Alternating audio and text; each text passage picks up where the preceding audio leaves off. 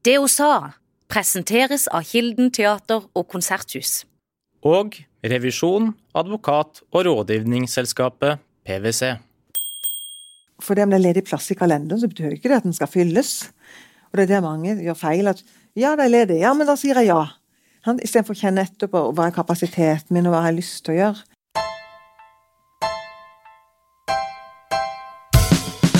Cecilie Tunem Sånum har utdannelse innen språk, kommunikasjon og ledelse. I dag er hun rådgiver, forfatter og en prisvinnende foredragsholder innen kommunikasjon og tidsstyring. Denne episoden er et opptak fra arrangementet Det hun sa om kvelden, som foregikk på utestedet Solsiden i Kristiansand. Ja, Cecilie, vi skal begynne med å bli litt kjent med det. Frem til denne uka her, frem til tirsdag, så hadde vi aldri snakka. Hadde aldri møtt deg. Jeg hadde egentlig bare fulgt deg i sosiale medier, spesielt på Instagram. Og det kan jo være at en del av dere òg først og fremst kjenner henne gjennom den kontoen. Kanskje har noen vært på foredrag, for Cecilie reiser jo land og strand rundt for å snakke om bl.a. tid, og hvordan vi bruker tida vår. Så Cecilie. Ja, Birgitte. Hei. Ja. Uh, mitt inntrykk når jeg da bare hadde fulgt deg i sosiale medier, var at her er det ei tøff, selvsikker dame som mingler, som kommer proppfull av selvtillit, og som elsker å søke oppmerksomhet. Men så møttes vi, og som det ofte er, så endrer jo inntrykket seg litt når man møtes. Og så fortalte du meg at nei, det er ikke akkurat sånn du er. Ja, jo, jeg gjorde vel det. Jo, um, trygg er um, Men jeg, når, du, når, du, heter foredragsholder som tittel, så tror jo folk at den er veldig Ja, om ikke kjepphøy, så i hvert fall ganske sånn utadvendt. Mm. Det er ikke alltid at det er, det. Men det er koselig å snakke med deg, da. Og dere. Men når du er ute på oppdrag, da. Du skal kanskje til en konferanse, der sitter 500 mennesker som er proppfulle av forventning. Så kommer du. Det er ti minutter til du skal på scenen, folk vrimler litt rundt. Eh, hvor gjør du av det da? Der på do. og det vet de som var nede på do i stad. Ja. For det første du gjorde egentlig når du kom her, du sa 'hvor er doen', kan jeg bare vente litt bak? Men du har jo etter hvert funnet dine metoder for å finne glede i det du gjør, heldigvis. Og det skinner jo gjennom. Men hvem er egentlig Cecilie? Ja, det var jo Hadde mye tid. Nei. Ja. Nei, jeg pleier å si kort versjon. Um, det er vel at det er en introvert person som har en ekstrovert jobb. Og jeg elsker jobben min, bare for puste imellom og ha nok tid og ro. Mm -hmm. mm. Men før du kom dit, så var det ikke sånn at du satt i Lillesand og planla å bli foredragsholder. Du dro rett og slett ut i verden eh, ganske tidlig. To timer etter russetida. Mm. Så egentlig er du en slags eventyrer? Nei, jeg så du skrev det på en mail, men jeg tenkte at nei. Eh, men eh, glad i å reise, og visste tidlig at jeg skulle ut av Lillesand og ut i verden og oppleve ting. Mm. Hvilke land har du bodd i? Kortere eller lengre opphold? Ja, oi. Oi. det er sånn kleint, er det ikke? Jo, eh, jeg reiste først til Spania på sommerskole etter rusttida. Og så eh, dro jeg til Paris og jobba der et år. Og så har jeg vært et par, par runder i Normandie og Frankrike. Eh, så plutselig endte jeg opp i Midtøsten. Eh, og var der. Hadde Midtøsten og Kina som jeg reiste rundt i. Var en av de fire prosentene av vestlige kvinner som hadde jobb. De andre var jo bare med for mennene hadde jobb, så ja, det er stas. Mm.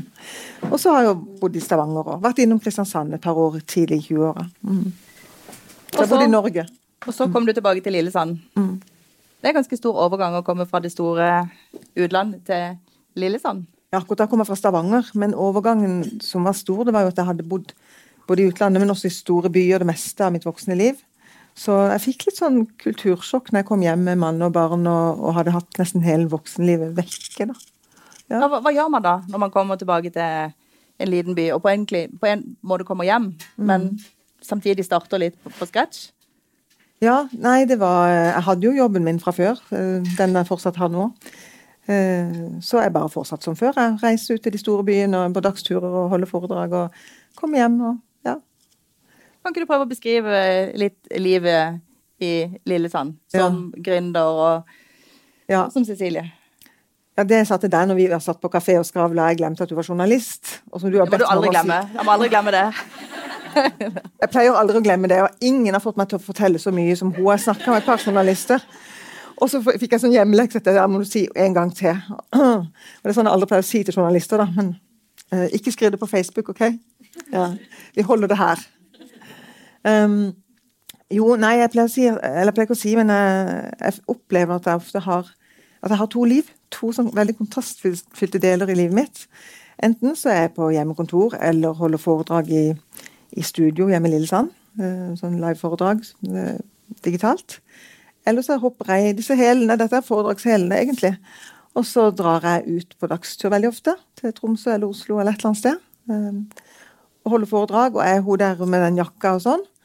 Og så kommer jeg hjem igjen, og så er det bare å få av seg dette og på med dongeribuksa og lage middag og kjøre til trening og tenker hæ, er det to-tre timer siden jeg sto i Bjørvika i fine klær?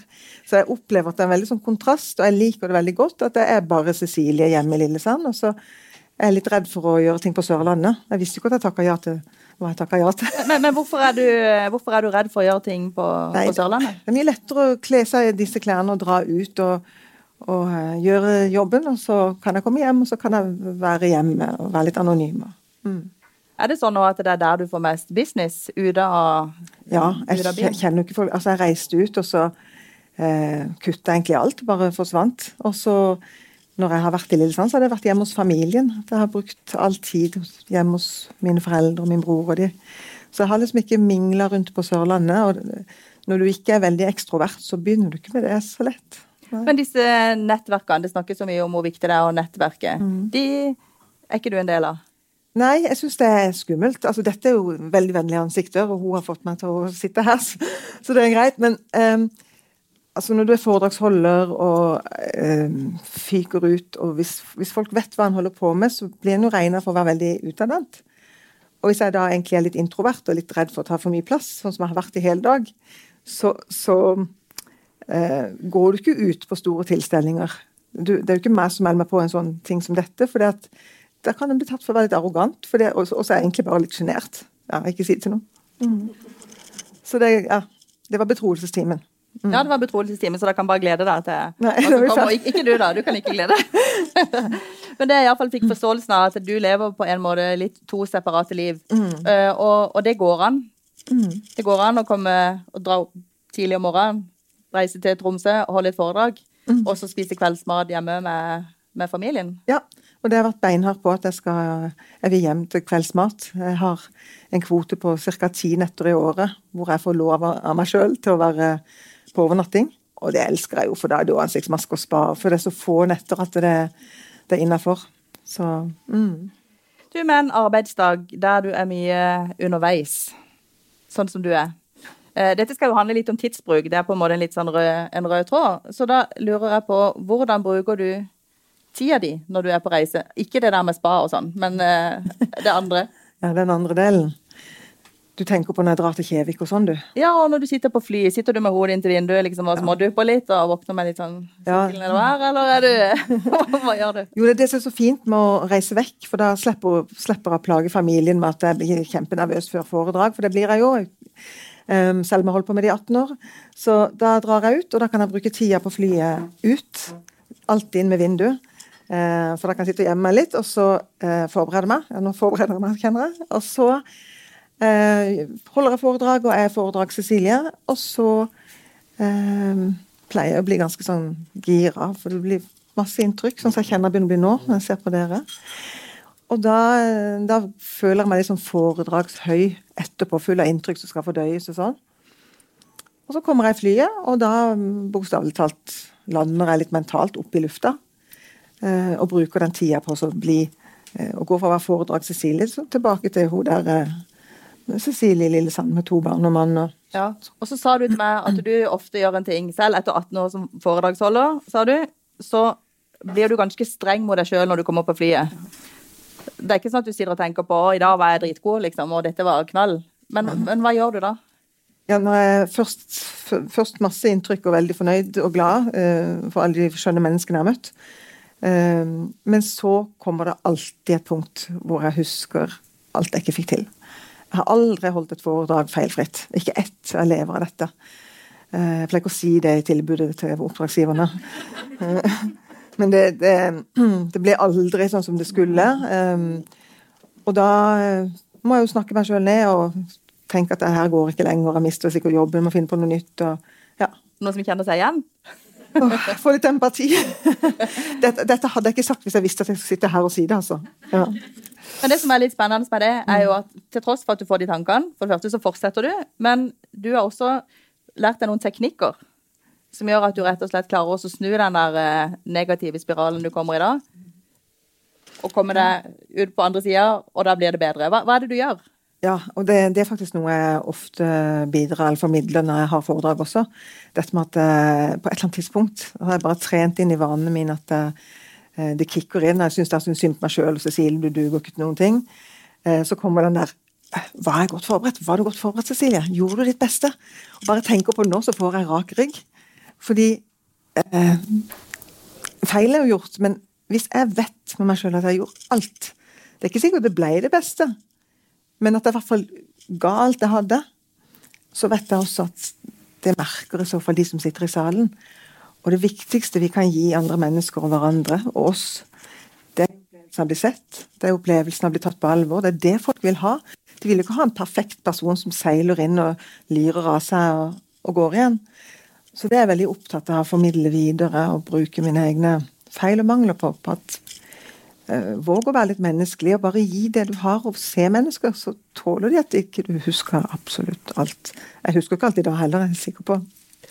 Men hender det at du sier til folk at eh, nå er jeg kjempenervøs, eller dette følte jeg ikke jeg naila helt? Åpner du opp om det, eller er det noe, en samtale og en prosess du har med deg sjøl? Jeg åpner visst opp her om det, eh, og så åpner jeg på bloggen min om det. Eh, men før et foredrag, nei. Da er jobben min å trygge oppdragsgiver. Eh, så da har jeg bare sånn mantra når jeg går opp flytrappen på Kjevik, og det heter Cecilie, vær den de tror du er. Bare være den derre og, og, det betyr ikke at jeg ikke er meg sjøl, men det betyr at jeg, jeg kjenner jo ikke igjen når dere legger ut at omtalen om meg. Det kjenner ikke jeg igjen i meg. Men nå må jeg late som jeg er det, da. for, ikke for min skyld, men for de som kommer og bruker tida si på å høre på meg. Eller, for, for, det handler jo ikke om meg som holder foredrag, det handler om de som kommer. Så da, da er jeg veldig bevisst på at det siste som skal skje, det er at noen skal oppleve at jeg er nervøs. Det får de ikke vite før etterpå, eventuelt. Men nå vet dere det. Ja. du, I sosiale medier og på Instagram, der må jeg si jeg syns du er veldig god. Det har vært gøy å følge det. Har du slutta nå? Å følge med? Jeg bare, jeg bare tar, jeg pausa deg litt, bare. Nei, men eh, det er lagt det. Mm. Altså, det er gøy å følge deg. Ja, bare, ja. Trodde du hadde pausa meg òg. Nei, nei, nei. Hyggelig. Vi må ha et oppgjør etterpå. Jeg har ikke drukket vin, jeg kjører bil i dag, så ja. Men en ting som fascinerer meg, og det er jo Du er jo sånn i virkeligheten, alt matcher jo. Du er jo sånn, du matcher til og med paraplyen din matcher da vi møttes den andre dagen. Så er det helt sånn, er det mulig? Men det er det. Eh, bildene dine er veldig fine. Oh, ja, nå vet jeg hva som kommer. Ja, du vet hva som kommer nå. Men alt er hvitt. Det er alltid friske blomster, eller iallfall om fredagen. Det er rosa og brunt også. Ja, rosa og brunt er også hvitt. Men det er mye som beige og, og sånn, og veldig sånn ton i ton, i hvert fall. Veldig fine bilder. Um, men så har jeg lagt merke til en hashtag du har. Ja, nå skal, nå skal jeg her med meg. Kan jeg uh, og jeg må bare være helt ærlig, den har faktisk irritert meg litt. Ja, jeg vet det. For du hashtag og alle disse fine bildene med mentalt silkeføre. Det var på fredagen. Det på fredagen altså blomster i vase, så er det mentalt silkeføre. Ok, fredagen er det mentalt silkeføre. Ja. Eh, men derfor har jeg lyst til å spørre deg, når burde du egentlig ha hashtagga liksom, mentalt kladdeføre? Ja. det passer bedre på meg, liksom. Jeg skal gjøre det, så skal jeg tagge deg, da. Ja, vil du gjøre det? Ja. Mentalt kladdeføre innføres her og det skal Ja. ja. Men, eh, men, har du det så fint som det ser ut som der? Har du det alltid ryddig? Ja, det spurte du meg om, om jeg alltid hadde ryddig. Og da sa jeg at jeg må jo ha rotekroker. Men så sa jeg også til deg at jeg får ro altså, Eller for, motsatt, jeg får uro av å ha det rotete. Jeg, jeg tar inn for mange inntrykk og for mye eh, Dilledal. Så ja, når ungen, min 13-åring i dag hadde funnet fram noe sånn der frokostblanding etter skolen, og den der greia står igjen midt på benken, så er bare sånn åh, jeg må ha den vekk, jeg må ha ro. Da var det litt kladeføre? Ja, det var litt kladeføre, faktisk. Ja. Ja. Men, eh, men jeg har masse roteskuffer og kroker. Det må man ha. Ja, for en ting som jeg merka meg, som jeg egentlig ja, jeg ble kanskje litt glad for det, det var at du sa at du har jo noen soner hjemme. Eh, og det handler jo egentlig litt om hvor du eh, retter kameraet, ikke sant. At vi får se noen soner, og de viser du frem med ulike anledninger. Og så har du noen soner der du aldri vender kameraet. Og det er ikke fordi det er rotete. Det er fordi at eh, Selvfølgelig ikke. eh, Nei. Å, skal jeg legge ut Jeg kan legge ut mentalt kladdefører og så ta bilde av kortet. Ja. Ja, ja. Um, nei, men det handler også om å beskytte seg sjøl litt. At eh, jeg deler jo ufiltrert. Hvis jeg deler, så er det spontant. Det er aldri strategi. Jeg deler det jeg føler. Um, og da kan folk ofte oppleve at de kjenner meg på et vis. Jeg får stadig høre det, at noen kjenner meg. Uh, og jeg må ha noe som er bare mitt. Sånn, ja. Så jeg kan ikke vise hele bildet, liksom. En ting jeg ble litt glad for, må jeg innrømme, hvis jeg skal bjuda på litt, er at jeg, altså, jeg klarer jo ikke å henge meg hjemme i forhold til å holde orden. Men vi har jo tenåringer begge to. Ja, vi har tenåringer, og det, det ses, for å si det sånn, hjemme hos meg. Så jeg sa til deg at jeg føler alltid jeg er litt bakpå med det der med, med orden. Så spurte jeg egentlig deg litt om råd. Jeg tenkte liksom, jeg må benytte anledninga. Sånn, lure til meg et gratis råd. Åssen kan jeg få litt mer orden? Eh, og da så tenkte jeg litt tilbake på hvordan det var i oppveksten hos oss. For da var det sånn, vi skulle ha selskap, så tok jo mamma de alt tøy, ikke sant. Og så heiv de det inn på soverommet og alle vesker og lukka igjen døra. Og så var det ryddig. Og det er jo litt sånn jeg opererer, men jeg har jo følt litt sånn skam egentlig over det. Men så, så tenkte jeg at du kom til å si til meg ja, Birgitte, nå må du bare begynne i én ende, og så må du rydde det gjennom hele huset. ikke sant? At disse her bøkene vet du, må ordne hjemme og sånn. Men så sa du bare nei, men kan du ikke bare ha litt rodete? Så har du bare én ryddig sone? Eller kanskje det var motsatt? Du sa.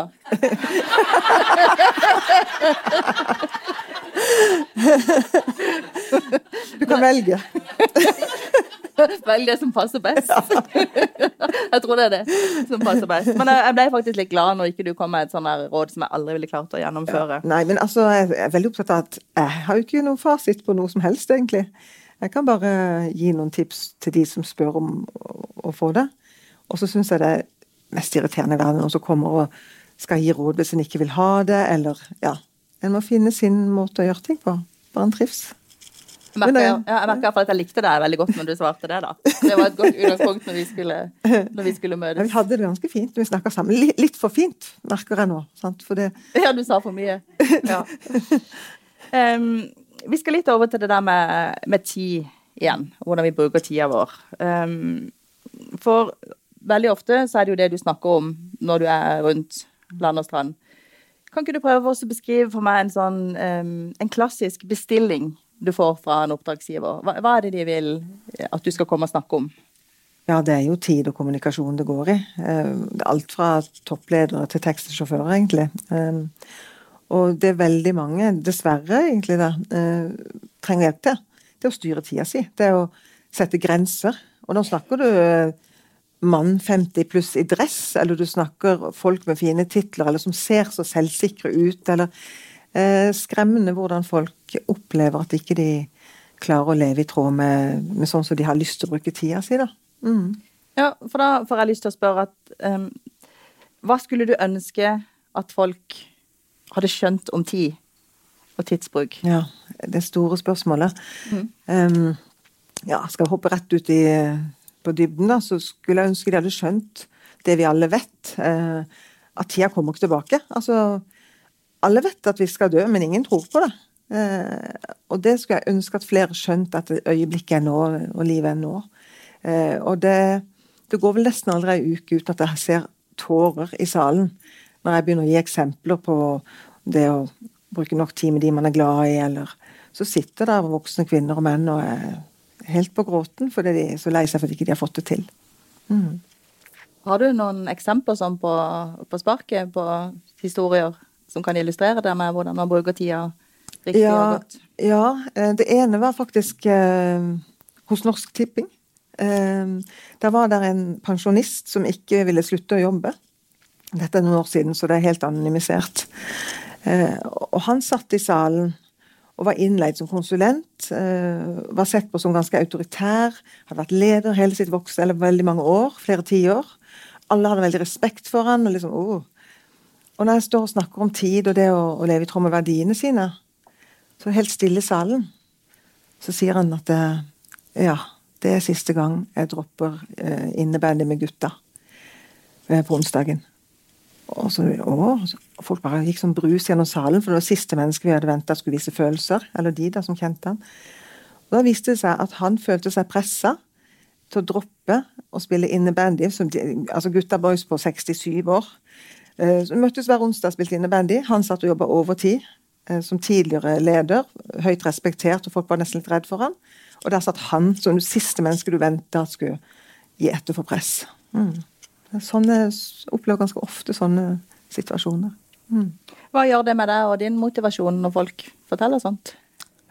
Det er sånn Når vi snakker sammen, jeg får lyst til å hjelpe. Altså Jeg får veldig lyst til å Du hadde lyst til å hjelpe meg litt? Ja. jeg får veldig lyst til å bidra. Ikke sånn at jeg ser noen er travle og jeg vil hjelpe, men når noen kommer og forteller at de føler seg ytre styrt, at ikke de lever sånn som de har lyst, så får jeg veldig lyst til å hjelpe. Gi dem noen teknikker og verktøy og trygghet. Mm. I hverdagen så styres vi jo mye av kalenderen. Vi styres mye av mobilen. Og hvis noen spør meg sånn ja, Birgitte, blir du med på det, eller kan du komme på den, den, eh, det arrangementet eller det møtet, mm. så svarer jeg jo ikke før. Jeg har jo kikka mobilen først, nå skal jeg bare se ikke sant, om jeg kan eller, eller ikke. Um, hvordan bør vi egentlig bruke den der eh, kalenderen?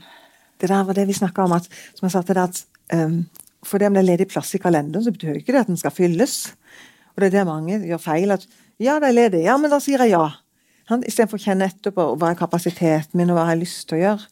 Uh, hva gir meg energi, og hva tapper meg for energi. Uh, ja.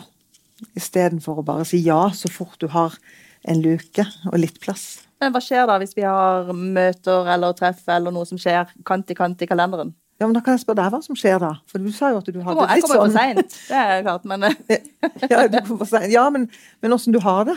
Åssen du Åssen får du det hvis du legger det for tett? Nei, Man kommer jo gjerne litt sånn hektisk inn i møtet og har kanskje hodet fremdeles eh, der man var mm. før man kom, mm. og kanskje ikke helt til stede. Ja, og det er akkurat det, det med tilstedeværelse. Og det er litt sånn brutal teknikk jeg har på at hvis en kommer for seint inn i møter hele veien. Det er ofte de samme som kommer for seint, er det ikke det? Det er jo det. Ja. Nei, ikke du! ikke du. Nei, Silje. Ja, de andre. Ikke, ikke, ikke, oss. Nei. De andre kommer for seint. Men det som er greit, de kommer og så er det sånn 'Å, jeg ble holdt igjen'. Ja, ble du fysisk holdt igjen? Eh, og jeg syns jo, nå skal jeg tøffe meg litt, men jeg syns jo det er en av verdens største hvileputer en unnskyldning. Det å så 'Å, jeg ble holdt igjen, jeg ble avbrutt'. Um, for å komme for seint. Istedenfor å ta kontroll på tida. Og det som pleier å virke da, det er når jeg blir litt brutal og så sier at uh, hver og en av oss, alle sammen i dette rommet, vi òg, uh, vi har Altså, vi undervurderer rollen vår. Vi har mye større påvirkning på omgivelsene våre enn vi tror. Uh, og det glemmer vi når vi kommer styrtende inn. Om vi ikke er for seine, men at vi bare er stressa og litt sånn han, eh, Hva gjør det med våre nære relasjoner eller kollegaer eller de vi har rundt oss, eller ungene våre, eller hvem det måtte være? Eh, opplevelsen av å bli tatt på alvor, som jeg snakket om.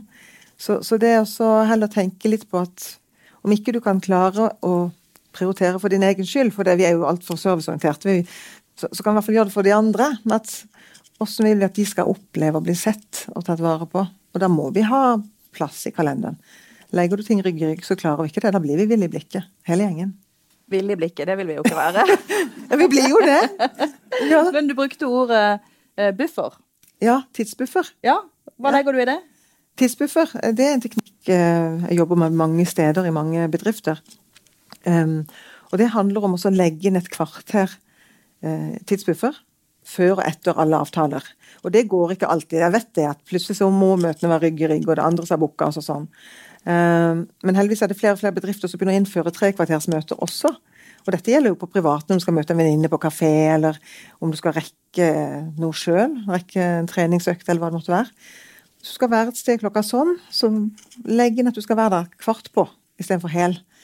Eh, og Det betyr jo ikke at du går og surrer, men tida går jo, så skjer jo livet. Så må du på toalettet, og så fant du ikke treningsbagen, og så var nøklene borte. Og så kjører du for langt når du skal til Lillesand. Ja, og så kjører du for langt når du skal til Lillesand, sant? Ja. Det kan skje, det. Sånne ting. Ja. det gikk veldig bra. Ja, vi fikk, vi fikk mye tid allikevel. Vi fikk snakke allikevel. Ja, og du var ikke vill i blikket. Ja, litt. Nei. Nei, for du hadde triks. Du gikk på toalettet. Da Ja, ja, det Ja. hjelper å gå på toalettet, altså. Det er jo kanskje det jeg tar med deg ut herfra i kveld. Gå på do. Problemet er at når det bare er damer i salen, nesten, så er det fullt på do.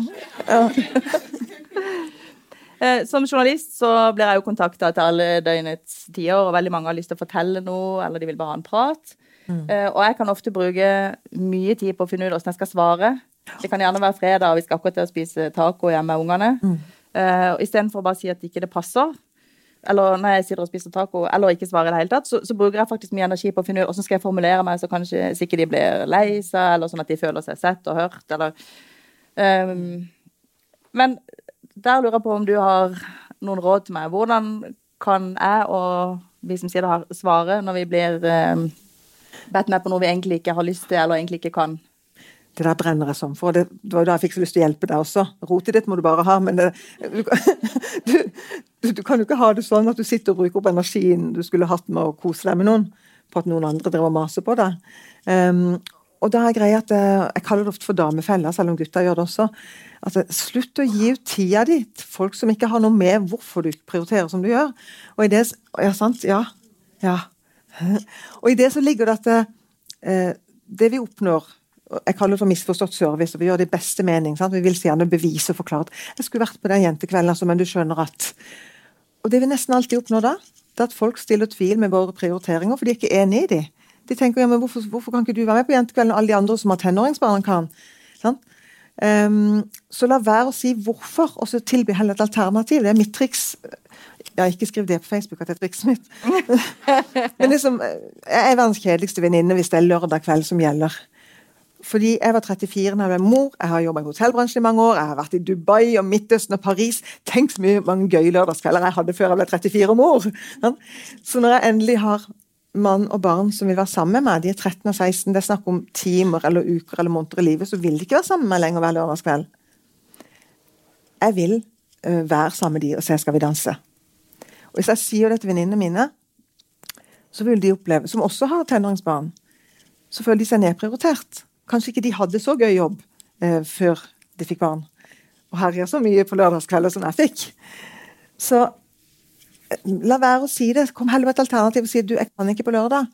Men hva med å ta en lunsj på onsdag? Du har jo fri hver onsdag. Kan vi ta en lang lunsj eller gå en tur i skogen? Og hvis de da sier nei, så var det ikke viktig nok. Ja, men Da må de finne på en unnskyldning. Ja, sant? Okay. Men det er ikke ditt problem! Det er ikke ditt problem. Problem, problem løst. Ja. Nei, men det der med også la være å si hvorfor, så heller bare eh, trene inn. For det her må trenes inn. Altså Hvis du ikke er forberedt på det, så, så begynner du å bable. For det har du alltid gjort. Sant? Å, ikke du, da, men de andre. eh, for da er det sånn Å, ja, men du skjønner at øh, mm, eh, Så tren inn noen ordlyder som du kan bruke. Det passer ikke da, men passer det da? Jeg har ikke kapasitet da. Jeg har allerede begynt å bruke det, faktisk. Selv om det bare er et par dager siden du fortalte det. Men jeg bruker det hjemme, da. Oi. Jeg kan ikke komme hjem i dag, men kanskje på onsdag. Ja. Er det den du tar når de, når de spør om du kan gå ut med søpla? Nei, det er den jeg tar når mannen.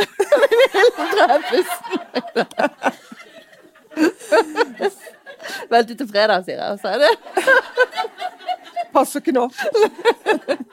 Kan vi heller ta en kaffe, sier jeg.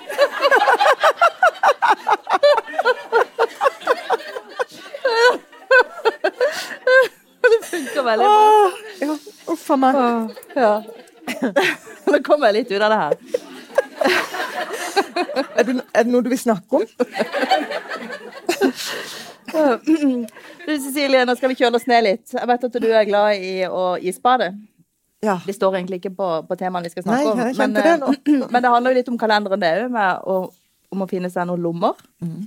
Der man kan være bare seg sjøl og gjøre noe som ikke tar energi, men som gir energi. Du har funnet deg en hobby. ja, ja. Det er vel niende sesongen, tenker jeg. Mm. Hva gjør det med deg, da, å bade på vinteren? Nei, det nullstiller hodet. Og i og med at jeg ikke er lagd til å holde foredrag, og dermed blir nervøs Og det, det krever ganske mye energi, selv om jeg elsker eh, å gjøre det. Så er det en veldig sånn nullstilling. Eh, altså, verden blir i vater når jeg kommer i det vannet og finner den roen. Eh, Jeg er opptatt av ro i vannet. Jeg kan godt herje og tøyse og alt det der også, men jeg er nødt til å ha et par minutter med bare stillhet og ro og lukke øynene og ryggen til folk på land eller de andre jeg bader med, eller bare finne, finne roen. Og så er jeg opptatt av eh, mestringsfølelse, det å sette seg noen mål og gå litt ja, Gjøre ting en ikke liker. Jeg har aldri likt dypt, mørkt, kaldt vann. Jeg er en frysepinn. Så da er det jo fint å bade litt. Vi skal litt tilbake til, til temaet igjen, med, med tid og, og kommunikasjon. Eh, vi har lært nå at vi ikke skal si hvorfor ikke vi kan. Um, men du, du, har jo et motto. Du har to motto. Det ene sa Silje her når vi starta, og det var 'gjør mer av det du tror på, og tro mer på det du gjør'. Ja, men du har, ja, men du har et til. Nå har jeg lyst til å ta det der med å være mild. Modig. Modig. Mild og modig. Og målretta. Og målretta. Um, og tenkte på det der når man setter grenser. Det kan jo føles litt hardt noen ganger. Mm. Og så og på en måte og, Ja, litt, litt, hardt, litt brutalt. Må det være sånn? Absolutt ikke. Og det opplever jeg rett som det at jeg kommer til en bedrift der lederen har leid meg inn, og eh, de ansatte er litt sånn åh, skal vi bli enda mer effektive nå, eller nå skal jeg lære meg å sette grenser og si nei, ja. Og sånn litt sånn albu. Og det er det absolutt ikke det jeg eh, formidler eller holder på med. Eh, du kan veldig godt være tydelig og vennlig på en gang. Det er ikke en motsetning. Og det handler jo om hvordan du formulerer det. Våge å være tydelig nok. Være målretta. Du vet hvorfor du prioriterer som du gjør. Og modig, det er noe jeg må skrive om. Jeg må ha en bok til. For det, det, det snakker altfor lite om at å prioritere tiden, det krever mot. Altså det å våge å takke nei til den ja, Nå skjønner venninna bare så det er sagt, men å takke nei til den middagen Jeg er ikke her, altså. det kan være de hører podkast. Ja. Um, takke nei til den middagen, eller uh, sette de grensene, uh, så, så uh, må en være litt modig. Men hvis en først våger å teste ut disse enkle teknikkene, så virker det. Og da kan dere henge meg på Facebook hvis det ikke virker. For dette er jeg såpass trygg på at det, det gjør det. Hvis du våger å så vennlig og tydelig si at det passer ikke da, men da. Eller det kan jeg ikke være med på. Vennene dine skal flytte, og du kan ikke hjelpe til å flytte. Så sier du ja, ja, men skal du vaske ut andre, andre leiligheten? Kan jeg hjelpe med det? Sånn at du viser at du har lyst, men at du uh, har grenser. Men må du vaske ut av leiligheten? Nei, jeg kan finne på noe annet. Eller ta kaffe. Kan finne på noe annet. men uh, det er ikke alltid så lett å si, uh, å si, nei, og det er ikke alltid så lett heller å kjenne på hva man egentlig har lyst til. For det der å skille mellom hva som er pliktfølelse, og hva som er sånn reell lyst. Ja, og, og jeg opplever ofte at isolert, ting, så, eller isolert sett så er det mange ting som er gøy. Det og det og det.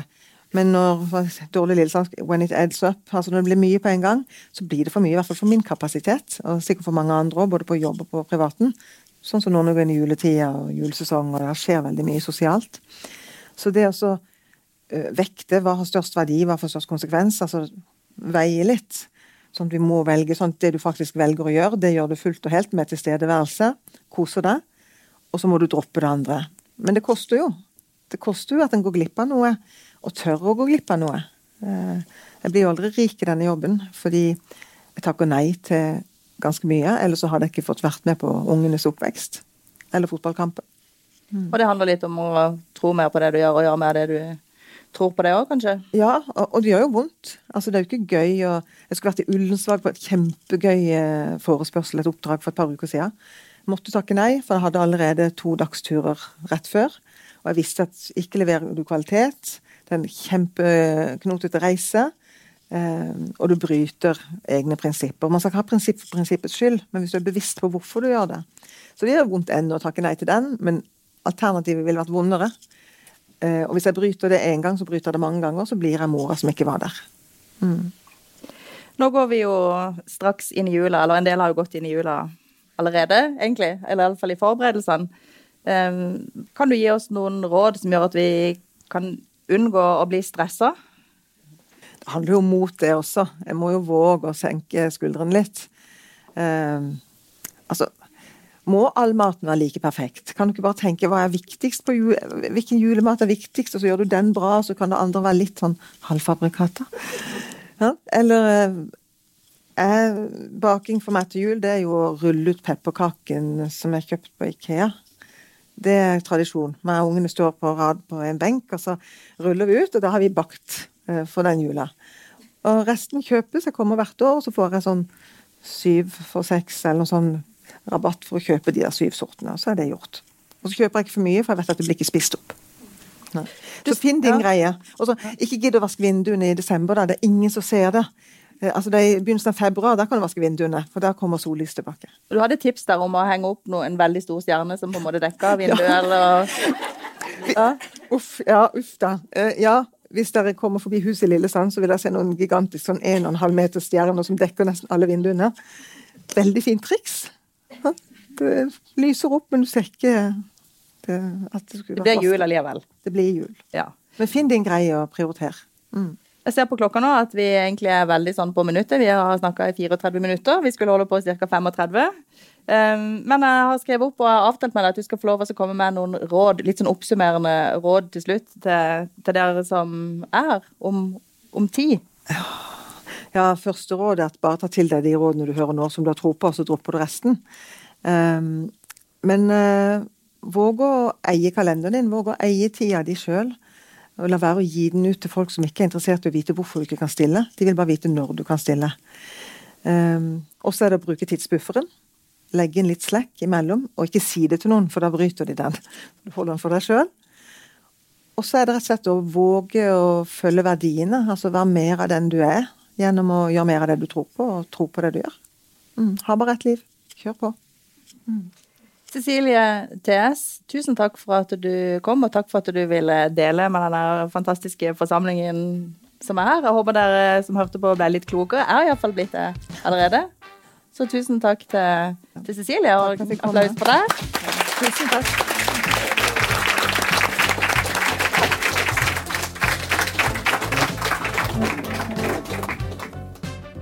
Du har hørt på Det hun sa av Federlandsvennen. Følg oss på Instagram og meld deg inn i Facebook-gruppen vår. Der kan du foreslå en gjest du har lyst til å høre i neste episode.